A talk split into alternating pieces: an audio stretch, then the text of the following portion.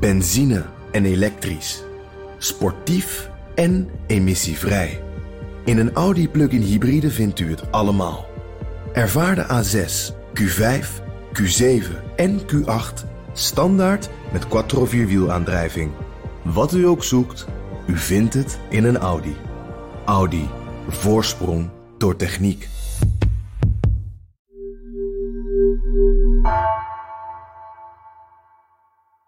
Hi, mijn naam is Ruben Pest.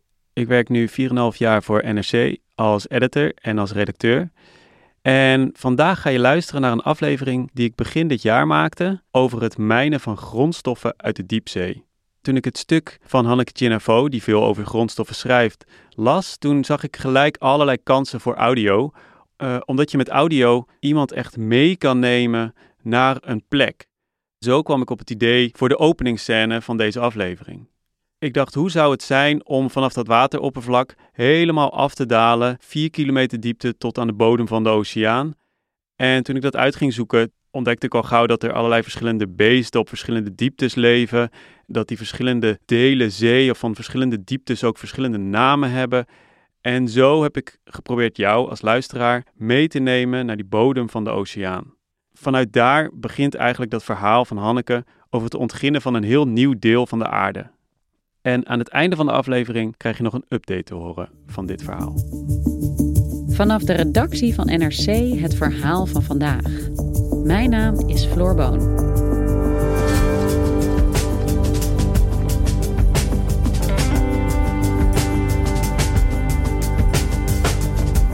Op de bodem van de oceaan, duizenden kilometers onder het wateroppervlak, ligt een schat aan kostbare metalen. Ze komen goed van pas bij de energietransitie. En bedrijven staan te popelen om die diepzeebodem te ontginnen. Maar wetenschappers vrezen onoverzienbare milieuschade. Redacteur Hanneke Chin Afo vertelt over de grote dilemma's die mogelijke mijnbouw met zich meebrengt. Wie is eigenlijk de baas over de diepzee?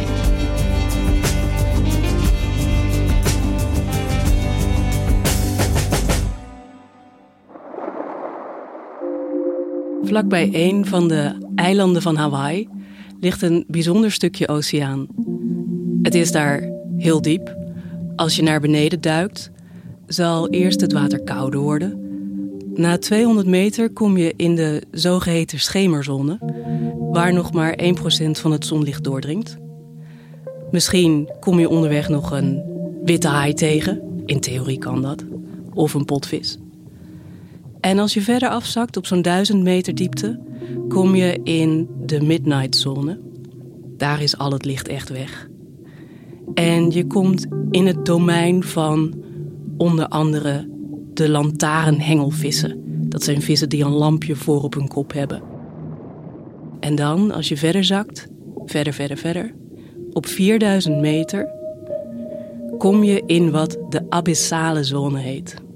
Hier is het bijna 0 graden en is de waterdruk zo immens dat leven er heel moeilijk is. En daar, op 4000 meter diepte bij Hawaii, kun je zeeleven tegenkomen waarover nog maar heel weinig bekend is. Oeh, look at that purple thing. Oh, another cuskeel. Oh, that's an octopus. That's an octopus? No way. It's an octopus. That's an octopus? All right. Cephalopods. Oh. Uh, some people in chat are saying this is a Casper octopus. Is- Would that be correct? Uh, it could be. Wat zien deze onderzoekers hier? Waar hebben ze het over? Ze zien een klein wit octopusje dat doorschijnend is. En dat in de sociale mediawereld en bij de onderzoekers Caspar is gedoopt. Naar het tekenfilmspookje Casper. Dit diertje legt haar eieren op zwarte knollen die verspreid over de zeebodem liggen. Dit zijn soort stenen, die kunnen zo groot zijn als een aardappel of iets groter. Er zijn er heel veel van in dit gebied. En die knollen die zijn heel veel waard. Die zitten namelijk vol met metalen die we heel hard nodig hebben hier op land voor de energietransitie.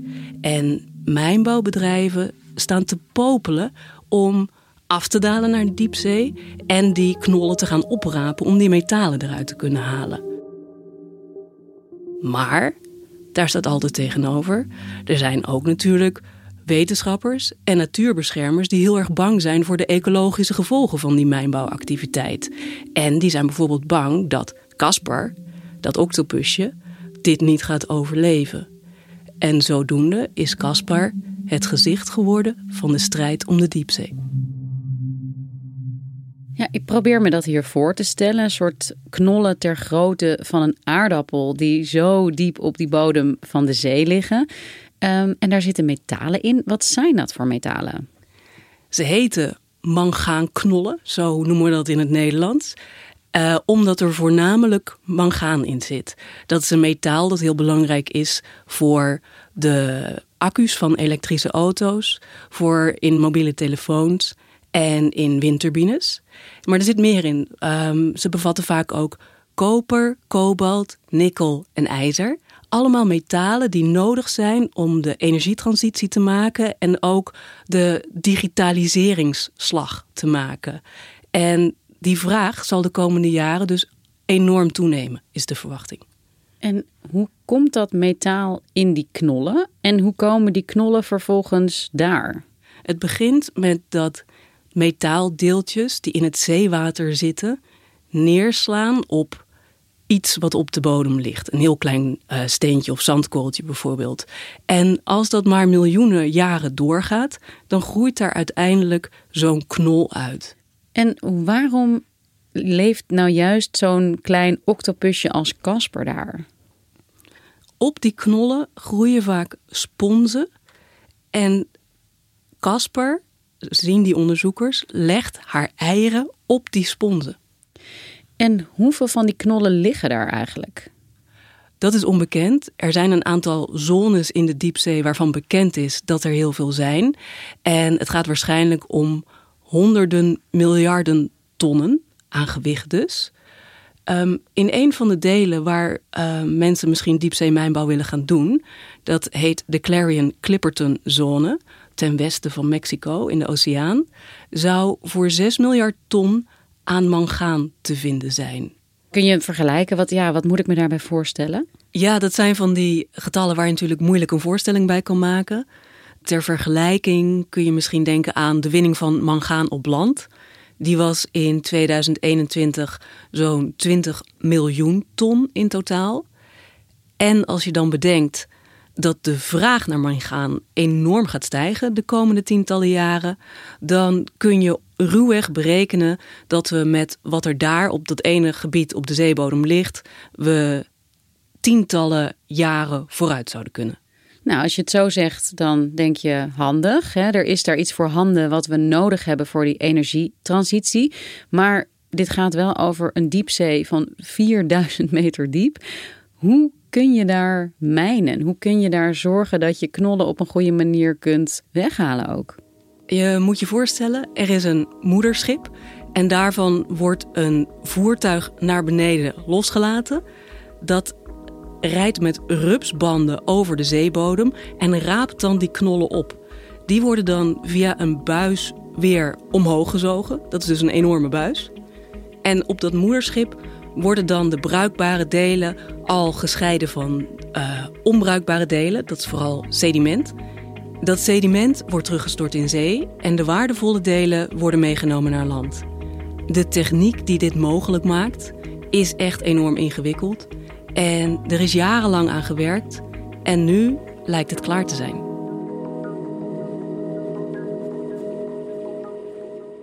Als we even het perspectief pakken van de mogelijkheden die hier liggen, dan zou je zeggen: dit is een goudmijn. Er hoeven enkel maar een paar van die bedrijven deze technologie verder te ontwikkelen. En uh, er is genoeg voorraad om voor de komende tientallen jaren om in die energietransitie te kunnen voorzien. Dat klinkt, als je het zo neerzet, als een heel goed idee. Ja, er zijn dus ook veel mensen, en met name mijnbouwbedrijven natuurlijk, die zeggen dat dit echt the way to go is. Dat het raar zou zijn als we dit niet zouden doen. En er is één bedrijf dat al heel ver is. Uh, het Canadese mijnbouwbedrijf The Metals Company. En zij hebben in een uh, promotiefilmpje heel duidelijk opgesomd wat zij de voordelen vinden van diepzeemijnbouw. We're on a quest for a more sustainable future, and we need metals to get there. I don't want to see more deforestation. I don't want to see child labor. And I want to see us access the most sustainable supply of these important metals. We humans have now occupied every corner of the planet, and we've come to a point where we have to find a way for us to continue to exist on this planet. Wat ze hier eigenlijk zeggen is dat er grote voordelen zijn ten opzichte van mijnbouw op land. Want met mijnbouw op land is vaak van alles mis. Er is vaak sprake van ernstige milieuvervuiling. Het is vaak in een kwetsbaar natuurgebied. En in de praktijk, in veel landen, bijvoorbeeld in Congo, waar veel van de kobalt vandaan komt, zijn de arbeidsomstandigheden slecht en wordt bijvoorbeeld kinderarbeid gebruikt. Ja, dus hier kun je eigenlijk opnieuw een industrie ontwikkelen uh, die geen last heeft van de slechte dingen die nu in de mijnbouw op land plaatsvinden. Dat is het verhaal. En het idee is ook dat het oprapen van die knollen op de zeebodem op grote diepte veel minder schadelijk zal zijn dan zeg maar, het openleggen van zo'n mijn op land. We are looking at a future which means more minerals and more metal demand. And for many reasons, going to the sea makes sense. Dit klinkt mooi, hè? als zij het zo zeggen, van dat zij een nieuwe industrie kunnen ontwikkelen uh, zonder de slechte kanten van de mijnbouw op land. Maar ja, weten we ook zeker dat het zo goed zal gaan verlopen en dat de ontginning van de zeebodem echt ja, zonder grote ecologische gevolgen zal zijn. Het eindeloos interessante aan dit onderwerp is dat we eigenlijk niet weten wat de gevolgen gaan zijn van diepzeemijnbouw voor de zeebodem en het zeeleven daar. Maar de vrees is dat het het zeeleven verstoort. En nou is de grote vraag vooral wat de stofwolken teweeg gaan brengen die die uh, rupsvoertuigen achterlaten. Er komt een stofwolk vrij op het moment dat ze daar rijden. En er komt een stofwolk vrij op het moment dat het sediment uh, weer teruggestort wordt in zee. En dit kan, is de vrees, gevolgen hebben onder andere voor dieren die hun eten uit het water filteren, zoals sponsen. Die zouden dan verstopt kunnen raken door dat sediment. Nou, en dan denk je, oké, sponsen, hoe belangrijk is dat? Maar dan moet je weer kijken naar de functie van de spons in dat hele ecosysteem. We weten bijvoorbeeld al dat er octopussen zijn die hun eieren leggen in die sponsen. Dus deze mijnbouwbedrijven kunnen deze hoop hebben, maar wetenschappers en NGO's zeggen: ho, wacht even. We moeten eerst uitzoeken waar we het eigenlijk over hebben. Ja, dus er is vooral heel veel onbekend over dat leven in zee en wat verstoringen daar ook uh, teweeg zullen gaan brengen. Ja, en een veelgehoord cliché eigenlijk in de wereld van marinebiologen is dat er minder bekend is over de diepzeebodem dan over de maan.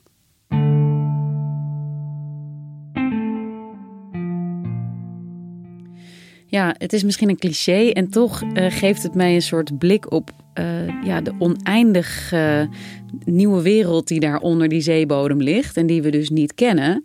Maar het brengt me eigenlijk ook tot de vraag: wie bepaalt dat dan eigenlijk? Wie bepaalt of er gemijnd mag worden in die diepzee? Grote delen van de diepzee horen niet bij de territoriale wateren van één land. Maar er zijn wel internationale afspraken over gemaakt bij de Verenigde Naties. Who's in charge of the deep sea? Yeah, that's a big question. Ik sprak hierover met Catherine Blanchard. I'm an assistant professor of international law at Utrecht University. My research focuses on the environmental regulation of deep sea mining in international law. Ze legde me uit dat de Verenigde Naties in 1982 het VN-verdrag voor het recht van de zee hebben gesloten, waarin afspraken staan over het gebruik van de zee. Dat gaat over heel veel dingen, bijvoorbeeld over scheepvaart, over visserij, maar ook over de opbrengsten van metalen uit de diepzee. In there, there is an important concept that applies to the deep sea bed, and it is that the deep sea bed and its resources, so all the mineral resources that it find there, uh, is the common heritage of humankind. So basically, everything that is on the deep sea bed technically belongs to everybody, to all different countries, to you and me, to humankind as a whole. Ja, dat, uh, dat zijn wel grote woorden, de hele mensheid. Hoe verhoudt dat zich tot elkaar? Dat er misschien een paar bedrijven straks zijn die de zeebodem kunnen ontginnen, maar de opbrengsten aan iedereen ten goede moeten komen. Ja, dit is fascinerend. Hè? Dit uh, is nog niet rond. Het idee is dus dat die bedrijven een deel gaan delen. En er is een uh, internationale organisatie die dit allemaal moet gaan uitwerken en beslissen. In order to control and regulate that, there was an institution that was created, an international organization called the International Seabed Authority, the ISA. Ze hebben eigenlijk twee opdrachten. So the first mandate is to regulate, control, and manage to some extent uh, different mineral related activities on the deep seabeds. The second big mandate of the ISA is to ensure that mineral related activities of the deep seabed uh, do not damage the marine environment. Oké, okay, en lukt het ze om hier goede regels uh, over op te stellen met elkaar? Waar staat de mensheid als het gaat over het ontginnen van die zeebodem? De mensheid is in de exploratiefase. Dat wil zeggen, de International Seabed Authority heeft in de afgelopen jaren vergunningen uitgegeven aan zo'n 30 bedrijven of samenwerkingen tussen bedrijven om verkennend onderzoek te doen. En in de zomer van 2021 is er voor het eerst een aanvraag gedaan om verder te gaan. Toen heeft het piepkleine eilandstaatje Nauru aan de Seabed Authority gevraagd: mogen wij ook commercieel gaan mijnen? En dat doen zij dan in samenwerking met dat Canadese The Metals Company, waar we die video over hoorden. Dat was in de zomer van 2021, zei jij. Hoe staat dat er dan nu voor? Nou, iedereen is nu eigenlijk um, in rep en roer, omdat uh, volgens het zeerechtverdrag het zo lijkt te zijn, want dit is niet volkomen duidelijk, dat zij dan binnen twee jaar de regels af moeten hebben die nodig zijn om die commerciële mijnbouw te kunnen gaan doen. En die twee jaar, dat zou dus komende zomer zijn. What is triggering a lot of uh, debate is that now many of these contractors are ready or will soon be ready to actually exploit those resources. But the legal regime for that, the, the legal texts, are not ready yet. Maar volgens de laatste stand van zaken waren die regels nog helemaal niet af. So it has triggered this uh, sense of, of urgency to finalize the regulation.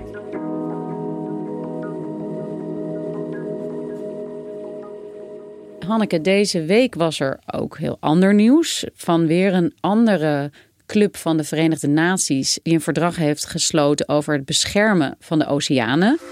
Goedenavond. Meer dan tien jaar is er over onderhandeld. En het was nog even onzeker of het dit keer wel zou lukken. Maar het ligt er nu. 180 landen hebben een akkoord bereikt om overbevissing en vervuiling tegen te gaan. 30% van de oceanen zou beschermd moeten zijn en worden in 2030. Hangt dat op een of andere manier nog samen met dit proces van diepzeemijnbouw? Heeft dat invloed eigenlijk over of die knollen wel of niet gemijnd mogen worden? Nou, die vraag is eigenlijk nog niet te beantwoorden. Uh, dat verdrag dat gesloten is, dat gaat dus over de bescherming van 30% van de volle zee. En dat overlapt waarschijnlijk inderdaad voor een deel met gebieden waar diepzeemijnbouw in theorie zou gaan plaatsvinden. Maar het is niet zo dat in dat nieuwe verdrag nu duidelijke regels zijn opgesteld die die diepzeemijnbouw mogelijk zouden maken of juist zouden beperken. Het lijkt alsof dit verdrag, maar het is nog niet helemaal ingevuld, niet zo heel veel gaat veranderen aan de bestaande regels. En dat het toch vooral die International Seabed Authority is, die toch al de opdracht had om diepzeemijnbouw uh, niet te schadelijk laten te zijn voor het milieu, dat die gewoon zijn eigen taak verder moet gaan volbrengen. Dus we zwemmen in een soort niemandsland nog met een aantal bedrijven dat heel graag wil gaan exploiteren. En een hele grote groep wetenschappers die zegt: wacht, stop, doe het nog even niet. Ja, en die tweede groep die krijgt steeds meer tractie. Die roepen heel hard om een moratorium, dus een soort pauze van een paar jaar, die gebruikt kan worden om meer wetenschappelijk onderzoek te doen, zodat we beter weten waar het eigenlijk over gaat. Dus het is niet zo dat de eerste voertuigen al snel naar de zeebodem zullen afdalen, maar, en dat zegt ook Catherine Blanchard, dat het gaat gebeuren, ergens in de komende jaren, daar ziet het wel naar uit. So, of course, the exploitation is not going to take place tomorrow morning. Uh, it's also not going to take place, I don't think, later this year. But as I tell people, it's not uh, something coming out of a science fiction movie anymore. This is going to happen fairly soon. Je kunt zeggen dat we eigenlijk nu in een soort schemerzone zitten als het gaat om de besluitvorming. En hoe langer die tijd duurt, hoe langer Casper haar eieren nog in die sponsen op die mangaanknollen kan leggen. These two little, are those its eyes? Beady little black things? Uh, yeah, yeah. Aw, Close enough. it's so cute. Wow. Wonder what he's thinking right now. Probably nothing. And don't underestimate the intelligence of cephalopods. Yeah. Looks like he's getting ready to They take do. off again. And now he drifts. Like a ballerina. Yeah. There he goes. Dankjewel, Hanneke.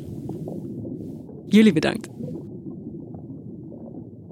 Hey Hanneke, fijn dat je nog even bij ons eh, in de studio wilde komen. Want afgelopen maart maakten wij deze aflevering. En daarin zeg je dat er in de zomer regelgeving klaar zou moeten zijn. Het is nu zomer.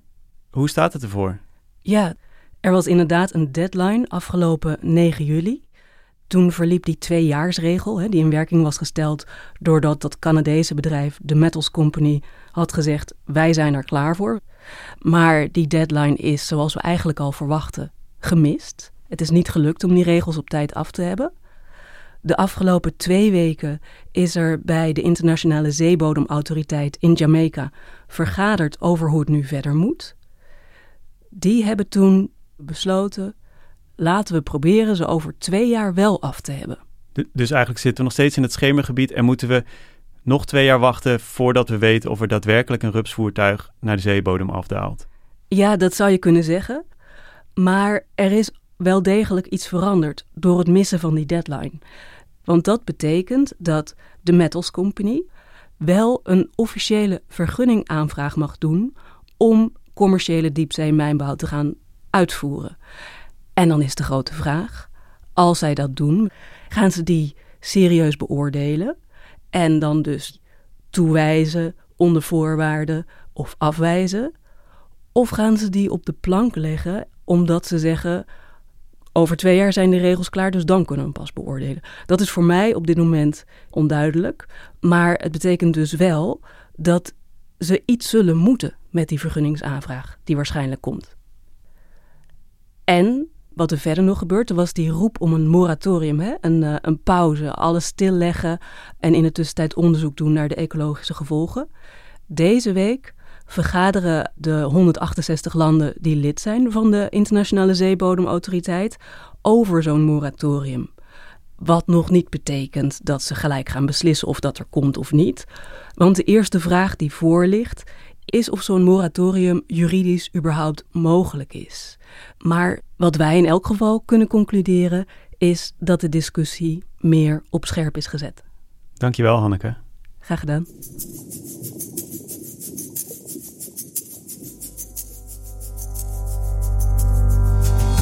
Je luisterde naar vandaag, een podcast van NRC. Eén verhaal, elke dag.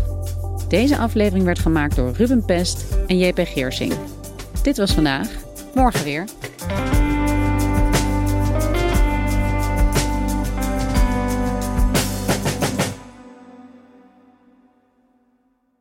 Je hebt aardig wat vermogen opgebouwd. En daar zit je dan, met je ton op de bank. Wel een beetje saai, hè? Wil jij, als belegger, onderdeel zijn van het verleden of van de toekomst? Bridgefund is een slimme fintech die een brug slaat tussen de financiële behoeften van ondernemers en van beleggers.